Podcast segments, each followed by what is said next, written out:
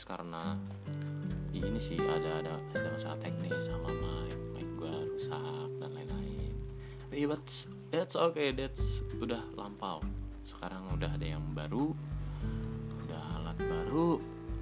Sekarang gue mau uh, berbagi lagi berbagi cerita berbagi kabut-kabut pikiran gue yang ada selama tiga bulan ke belakang ini dengan satu-satu gue upload ya maksudnya. Gue pikirkan gue cerna dulu apa yang harus gue upload mana yang tidak harus gue omongin juga. Selama tiga bulan ke belakang yang terjadi. Tapi sekarang gue mau ngomongin tentang uh, covid dulu.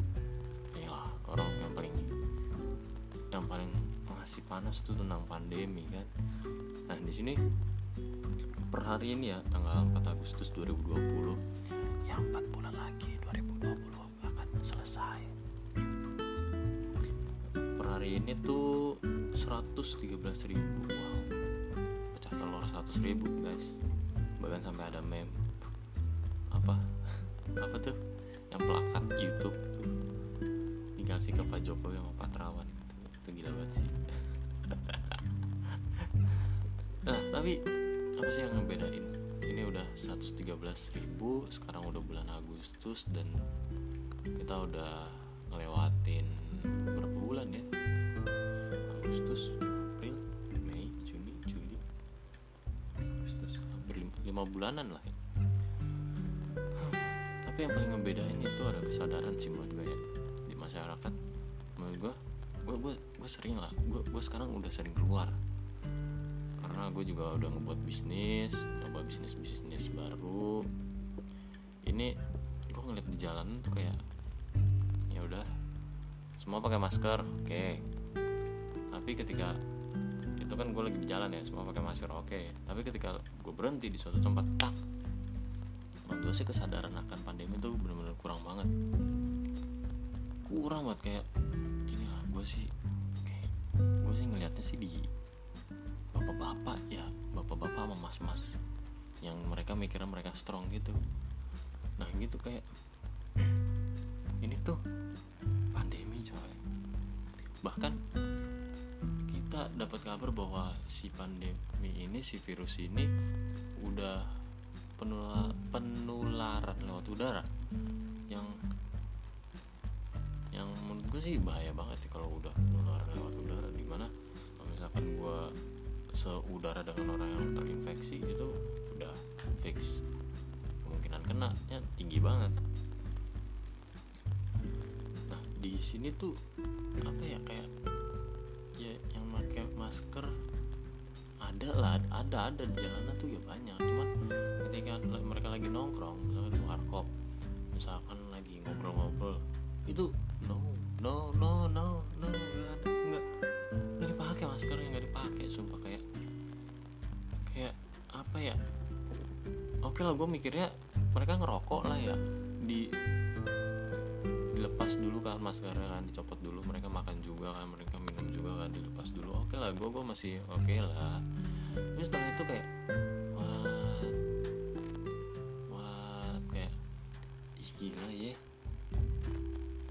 Bahkan ada ada ada satu momen ketika gue lagi di warkop tuh ada yang batuk dan itu kayak gue langsung wah aku mengerikan aku aku ngeri aku terinfeksi. Gitu gue bahkan ketika ke gue gue kayak Alfamart Indomaret gitu gue kayak wah gila.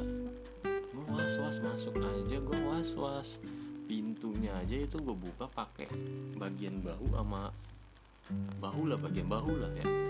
Bagian bahu gue dorong pintunya kan masuk. Jelas dong nyari nyari produknya kan megang sana sini kan. Di situ aja gue kayak wah gak mindset gue adalah kalau gak ini produk yang ada di sini semua mungkin kemungkinannya adalah sudah terpapar gitu kan gue was was gitu loh. Gue nggak buka masker gue nggak buka apa. Gue ambil produk-produknya habis itu gue kasih ke mbaknya nih mbak. Ah setelah itu pas pembayaran nih. Pas pembayaran yang gue takutin adalah duit. Men gue gue berharap banget kayak agar elektronik money nih berjalan dengan baik gitu ya. Udah berjalan dengan baik entah itu dari imani kayak dari flash kayak dari BNI tap kayak apa pun itu OVO kayak atau apa gitu ya. Itu berjalan dengan baik tanpa error gitu loh. Misalkan berjalan dengan baik gue masih enak kan? Gue udah udah nyiapin gitu dari rumah nih kartu imani misalkan. Imani gue taruh di tas di luar nggak? Di dompet dong. Terus kenapa kesal gue gue meminimalisir apa ya kontak tangan gue dengan barang-barang gue gitu. Gue taruh di luar maksud secara terpisah Tek, makasih kan. Tek, udah selesai misalkan udah aman. Maksudnya gue tinggal ngebersihin uang eh imaninya itu. Kalau duit oh itu kayak dapat kembalian. Just ini duit dari mananya nggak tahu. Ini dibersihin nggak sih? Gue nggak tahu. Udah yang pemiliknya sebelumnya ini bersih nggak sih? Gue langsung oh my god ini kembalian coy ini kembalian sengeri itu gue gitu. di warkop apalagi gue sekarang kayak udah nih nih duit duit. Gue pas pasin aja gitu gue belanja pas pasin aja tuh di warkop kayak minum goceng sepuluh ribu lima belas. Nggak nggak mau pakai kembalian kalau misalnya kembalian seribu udah pak besok aja ya besok aja bener besok aja. Sampai segitunya segitunya ngeri gitu loh. Apa ya gue peduli banget sama keluarga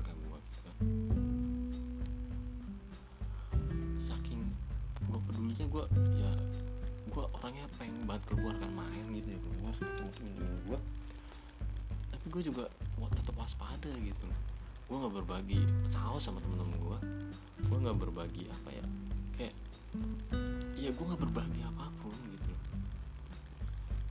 Habis itu misalkan ya gue pulang. Pulang pun pagar setelah itu gue buka pakai sikut sikut habis itu gue taruh barangnya dulu gue cuci tangan bla bla bla gue ambil disinfektan semprot tuh yang yang kalian tahu lah. Yang semprot yang portable gitu kan. Gue semprotin lah. Entah itu motor kalau misalkan pakai motor stangnya kuncinya terus pagarnya juga walaupun gue yang ngebuka pakai sikut nutup pakai sikut ya tetap gue semprot. Habis itu gue semprot juga tote bagnya. Terus kalau udah gue keluarin makanannya. gue pisahin dulu mana yang bisa gue cuci mana yang enggak gitu kan. Gue cuci lah yang bisa dicuci. Yang enggak mungkin gue lihat-lihat dulu nih yang disemprot bagian mananya gitu kan. Yang mungkin dong uh, yang makanan terbuka gue semprot enggak lah. Habis itu uh, sekarang bokap udah beli yang UV ya yang UV ya box UV itu kayak aneh banget sih kayak ah apaan sih ini? Tapi setelah gue lihat lampunya lampu Philip. UV oke lah baiklah. Gak apa-apa dah gue dia percayalah 70% gue taruh lah di situ kan makanan yang yang nggak bisa dicuci atau semprot misalkan. Gue taruh lah situ gue berharap ya udahlah ini bisa membasmi kuman bakteri dan mungkin virus gitu kan. Semoga ya gue bebas gitu. Ya gue taruh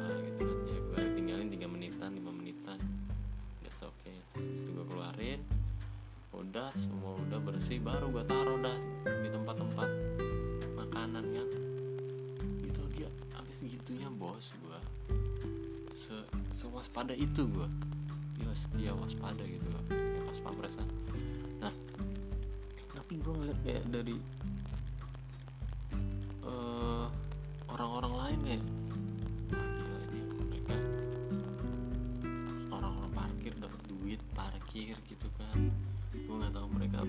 nyuci nyuci nyuci duitnya atau gimana gue nggak tahu. Gue sengeri itu sama sama sama virus ini tapi kesadaran masyarakat udah menurun banget kayak kayak udah terlalu peduli gitu. Kayak ya udahlah yang penting gue bisa nyari duit gue bisa apa gue masih sehat. Yang gue udah pakai masker gue udah cuci tangan lapis pertama. Kalau gue kan sampai lapis kedua ketiga ya sampai oh buka apa apa apa gitu. kayak gue gue mikir apa gini bla gitu loh kan. Itu di masyarakat gitu. Itu di gue di, di, di masyarakat lingkungan gue gitu. Tetapi nih di masyarakat netizen buh coy. Ada yang namanya gue gue harus nyebut dia sekarang artis atau seleb ya. Seleb lah. Ini jadi ada ada seorang seleb terkenal. Dia ngebuat video dengan seorang uh, ahli gitu ya ahli ahli dia di video itu sih disebutnya profesor mikro apa gitu kan. Gue lupa gue lupa apa gitu kan. Profesor yang mengklaim bahwa eh ada obat nih pencegah dan penyembuh. Wow gila covid-19 uh dan tapi kalau misalkan kalian udah nonton videonya itu gue nggak tahu ya pemikiran kalian bakal bagaimana. Apakah kalian setuju atau enggak apakah kalian mempercayai atau tidak? Tapi gue ingin membicarakan dari sisi uh, apa ya artis tersebut gitu loh. Dengan mindset. Ada ada sebuah story dia sih yang gue baca di di beberapa di salah satu TV ya kayak. Mindsetnya itu adalah dia ingin memberikan berita baik di tengah-tengah berita-berita buruk. Oke, oke kita ulas itulah kita ulas. Berita baik, oke kita perlu banget nih berita baik. Ada sebuah vaksin ditemukan bahwa kita bisa normal lagi nih, benar-benar normal lagi bekerja seperti biasa. Tapi ya harus yang benar juga gitu loh berita baiknya, jangan asal-asalan lah. Dan gue lu sebagai orang yang ingin mempublikasikan suatu informasi menurut gue penting banget gitu loh untuk meriset dulu informasi yang ingin lu bagikan gitu kan. Informasi yang yang benar-benar penting banget gitu loh bahkan ini tentang vaksin. Please di di, di riset dulu orangnya dia siapa ngobrol-ngobrol lama lah dia siapa habis itu cari-cari di internet apa terus kritisi dengan baik gitu loh. Apakah dia mempunyai jurnal? Apa berapa orang yang di data ya? Pokoknya datanya gitu. Data 200 ribu sekian orang 200 ribu sekian orang tuh yang dipakein. Maksudnya yang diberikan obat ini di mana posisinya di mana keluarganya bagaimana lingkungannya bagaimana apakah dia terpapar atau enggak bla bla bla gitu kan ada datanya gitu kan. Nah, apa kritis yang benar-benar kritis gitu. Tapi gue gue udah nonton di videonya nih. Dapat dari bokap WhatsApp. Padahal gue nggak mau nonton nonton yang begitu ya. Ya dengan dengan apa sebagai anak yang baik ya mengomentari meluruskan apakah ini benar atau salah apakah ini bisa dipercaya atau enggak gitu ya, ya gue harus nonton itu gue tonton di sini tuh si seleb ini tuh dia sebenarnya iya iya dia ingin memberitakan bahwa ada informasi baik nih tentang pandemi ada obat nih yang bisa dijadikan obat nih gitu kan. Habis itu oh, gue ngeliat juga si seleb ini pengen kritis dia pengen kritis soal obatnya ini gitu. Tapi yang gue lihat dan yang gue dengar adalah dia nggak sistematis dan pertanyaan pertanyaan kritisnya dia tuh nggak nggak dirunut lebih dalam lagi gitu kayak misalkan ah berapa orang yang diberikan ini? Oh ada 250 ribu. Udah segitu doang dia nanya maksudnya terus stop. Tapi kan bisa ditanya e, ini orang-orangnya yang seperti apa ya? Maksudnya dia bisa nanya ada datanya nggak? Ada ada atau wilayahnya nggak yang diberikan gitu. Jangan cuma oh, kota ini kota ini daerah ini daerah ini. Ya. gue harus nggak datanya maksudnya ada nggak datanya gitu kan. Habis itu dibilang uh, dia tanya ini obatnya obat apa sih? Oh misalkan dia udah dengar oh ini obat herbal. Ditanya lah maksudnya abis itu si profesornya ini juga bilang dari bahan-bahannya bisa ditemukan di Indonesia kok. Dikritisi dong seharusnya maksudnya uh, bahannya apa sih? Maksudnya yang paling utama nih apa sih bahannya? Herbalnya apa sih?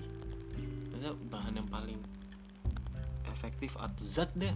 Setidaknya kalau lu nggak mau nyebut bahan ya zat apa sih yang bisa ngebunuh ngemakan si virus? Sebutnya makan ya seingat gue loh. Soalnya sekarang videonya udah di take down. Yang bisa ngebuat virus ini hilang gitu kan musnah gitu kan zatnya apa deh? Gitu loh. Kayak kemarin misalkan uh, eukaliptus gitu kan. Ada zat eukaliptus yang bisa menahan virus ini bla bla bla bla bla gitu kan. Ya oke lah itu oke lah bisa dipercaya lah. Tapi ya gitu dia kritis. Dia dia dia mau kritis tapi nggak mengkritisi secara baik gitu masa kurang kurang kritis. Dia mau menyebarkan hal baik salah gitulah caranya ya. Dia dia pengen kayak dia niatnya baik lah ingin menyebarkan informasi yang positif gitu ya. Di di tengah-tengah banyak informasi di mana peningkatan uh, covid yang oh udah seribu udah dua ribu seribu lima ratus mengerikan gitu kan. Dan kelanjutan kasusnya adalah dipolisikan. Seleb ini ingin kabarkan kebaikan malah jadi kejelekan. Gara-gara perbincangan di channel YouTube-nya seleb dan profesor dilaporkan ke Polda Metro Jaya. Keduanya dianggap menyebarkan berita bohong. Seleb dan profesor ini dipolisikan oleh Ketua Umum Cyber Indonesia Muanas Alaidit yang melaporkan keduanya dengan Undang-Undang ITE pasal 28, 14, dan 15. Nah, mendapat respon tersebut, seleb ini memberikan respon langsung.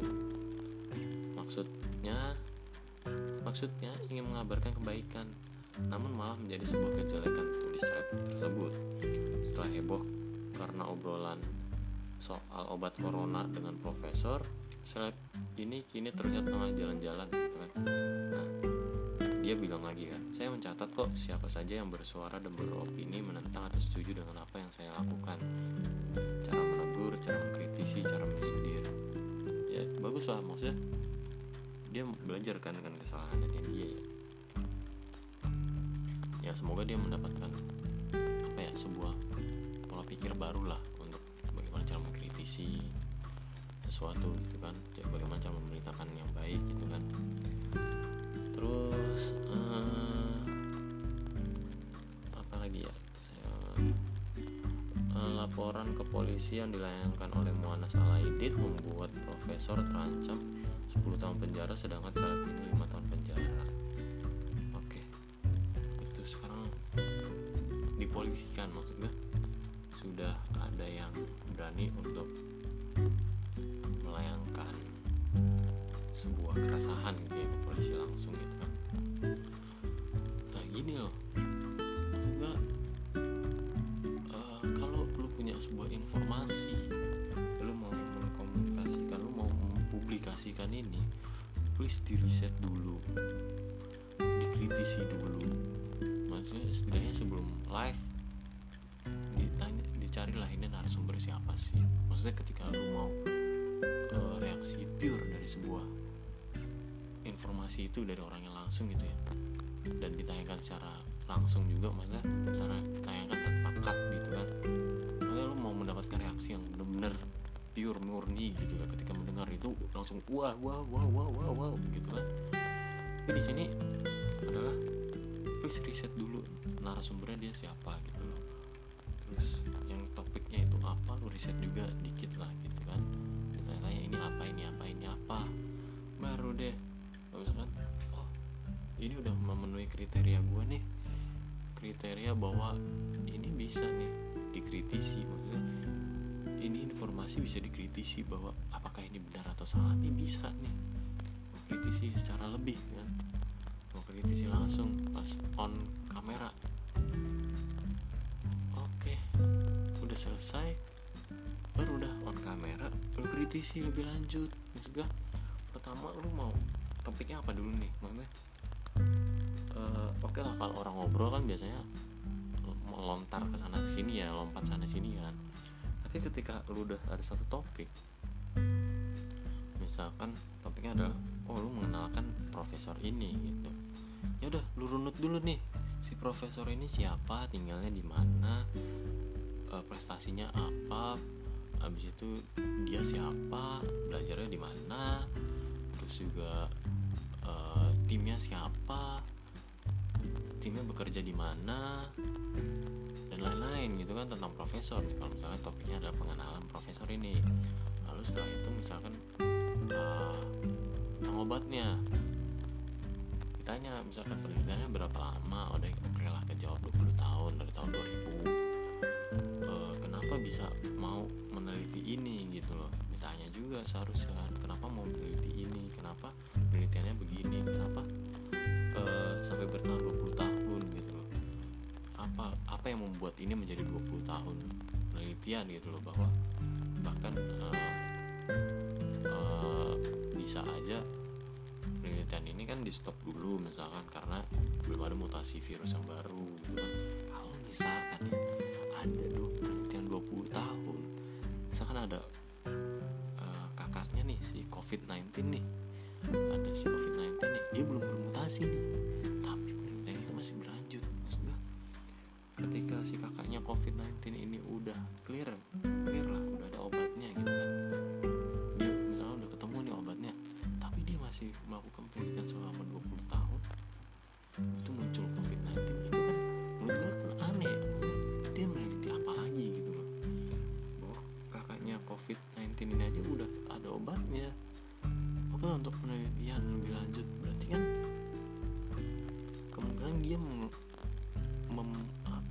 sih gue berpikirnya adalah si para peneliti ini dia membuat virus baru maksudnya ketika ada A dan B udah ter tersolve lah udah problem solve gitu ya udah terselesaikan ketika digabungkan berarti kan ada AB gitu loh ada problem baru ya enggak itu yang buat penelitian itu berlanjut kan? Nah berarti kan siapa nih AB nya itu dia apakah dia ngebuat sendiri atau dia ngambil sampel lain atau dia menemukan sampel baru yang ternyata ini adalah AB gitu kan? Nah, kritis sih seperti itu 20 tahun penelitian kan? Siapa yang danain habis itu dia bilang juga profesor ini bakal ngasih secara gratis. Wow gua langsung berpikir oh, benar ini siapa yang ngedanain 20 tahun penelitian coy? Wow itu menurut gua aneh banget gitu loh. Dia si seleb ini nggak memikir secara sistematis gitu. Ketika topiknya satu kritis lah topik itu gitu loh. Sampai bener-bener lu udah puas. Lu udah nggak ada pertanyaan lagi tentang topik itu.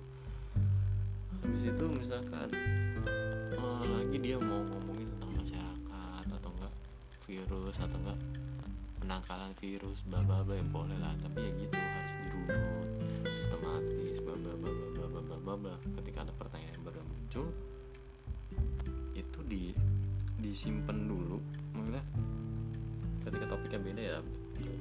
Lu lagi ngebicarain topik A nih habis itu lu lagi pikiran pertanyaan tapi dari topik lain ya disimpan dulu lah. Itu gitu. Maksud gua si Syahab ini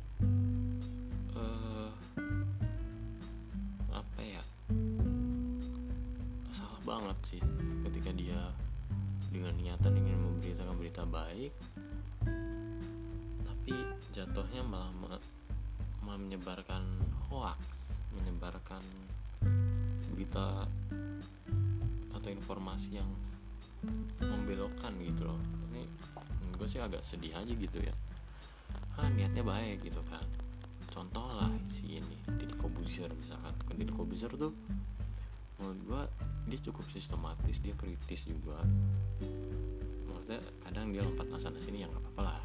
Tapi itu sampai kita ah greget banget nih dilanjutin dong topik yang ini gitu kan. Tapi nggak apa-apa lah itu Deddy Kobuzer mempunyai standarnya sendiri dan standarnya dia itu juga udah cukup untuk memuaskan diri gua gitu kan. Hmm. sedih sih kayak karena berita semuanya sedih-sedih semua. Terus juga gitu kan kayak ah, mall dibuka bioskop dibuka habis itu ditutup lagi padahal belum berjalan. Itu kayak blunder anjir blunder.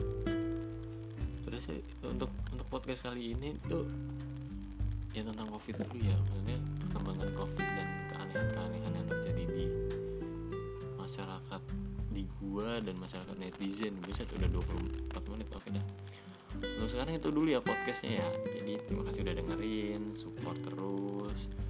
Uh, podcast mungkin ini adalah season 2 gua untuk fiksi popo ini ya. Thank you banget udah dengerin. Sampai jumpa di podcast selanjutnya